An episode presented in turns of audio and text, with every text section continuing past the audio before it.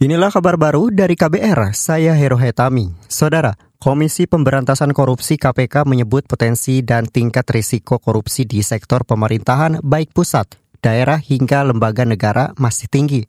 Wakil Ketua KPK Alexander Marwata menyebut berdasarkan survei penilaian integritas, terdapat 200-an lembaga publik masuk dalam kategori sangat rentan – hanya 80-an lembaga publik yang masuk kategori terjaga atau aman dari korupsi. Selama tahun 2023, KPK telah menetapkan tersangka satu orang gubernur, lima bupati atau wali kota, satu kepala lembaga, dua menteri atau wakil menteri. Hal ini menunjukkan bahwa masih tingginya risiko korupsi di sektor pemerintahan baik di daerah maupun pusat. Oleh karena itu, KPK melakukan pengukuran untuk mengidentifikasi kerawanan korupsi pada seluruh kementerian, lembaga, dan pemerintah daerah. Hasil SPI pada tahun 2023 menunjukkan Indonesia masih rentan korupsi. Wakil Ketua KPK Alexander Marwata mengatakan seiring dengan penindakan hukum, KPK bakal terus menggencarkan pencegahan korupsi di sektor pemerintahan. Dia mengeklaim KPK telah menyelesaikan 20-an kajian pada sektor yang menguasai hajat hidup orang banyak, berdampak pada keuangan negara, serta memiliki risiko korupsi tinggi. Kita beralih ke informasi pemilu. Kabar Pemilu. Kabar Pemilu. Dewan Kehormatan Penyelenggara Pemilu DKPP meminta Badan Pengawas Pemilu Bawaslu RI memperkuat pengawasan dan antisipasi kecurangan pada pemungutan suara pemilu 2024 di luar negeri.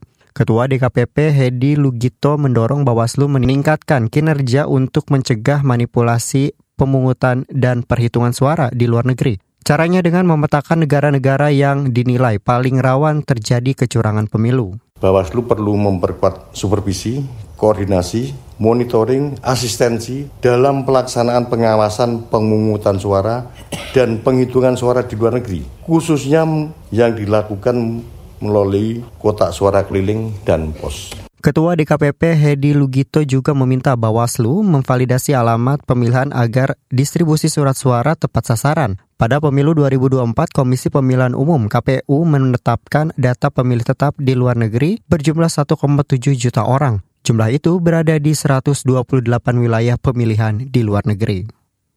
Kita beralih ke informasi lain, saudara. Sebagian keluarga korban dugaan pelanggaran hak asasi manusia HAM berat masa lalu menilai terjadi kemunduran demokrasi yang ditandai dengan lambannya penyelesaian kasus HAM. Orang tua dari kasus penculikan aktivis 1998, Payan Siaan mengatakan menjelang pemilu 2024 ini ia semakin pesimistis para pelaku dapat diadili dalam waktu dekat. Meskipun telah kami berjuang selama hampir 25 tahun tetapi sampai saat ini hasilnya belum ada titik terang atas keberadaan daripada anak kami itu dan kasus itu sampai sekarang masih ngambang gitu dan belum ada penyelesaian. Kami mengatakan bahwa saya sangat setuju bahwa demokrasi kita saat ini sangat mundur karena presiden telah berulang kali berganti tetapi kasus ini tidak ujungnya diselesaikan. Orang tua korban kasus penghilangan paksa dan penculikan aktivis 1998, Payan Sihaan, meminta agar masyarakat pemilih pada pemilu tahun ini tidak mengabaikan kasus dugaan pelanggaran HAM berat masa lalu.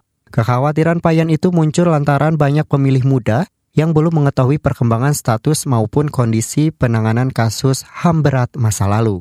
Inilah kabar baru dari KBR, saya Hero Hetami.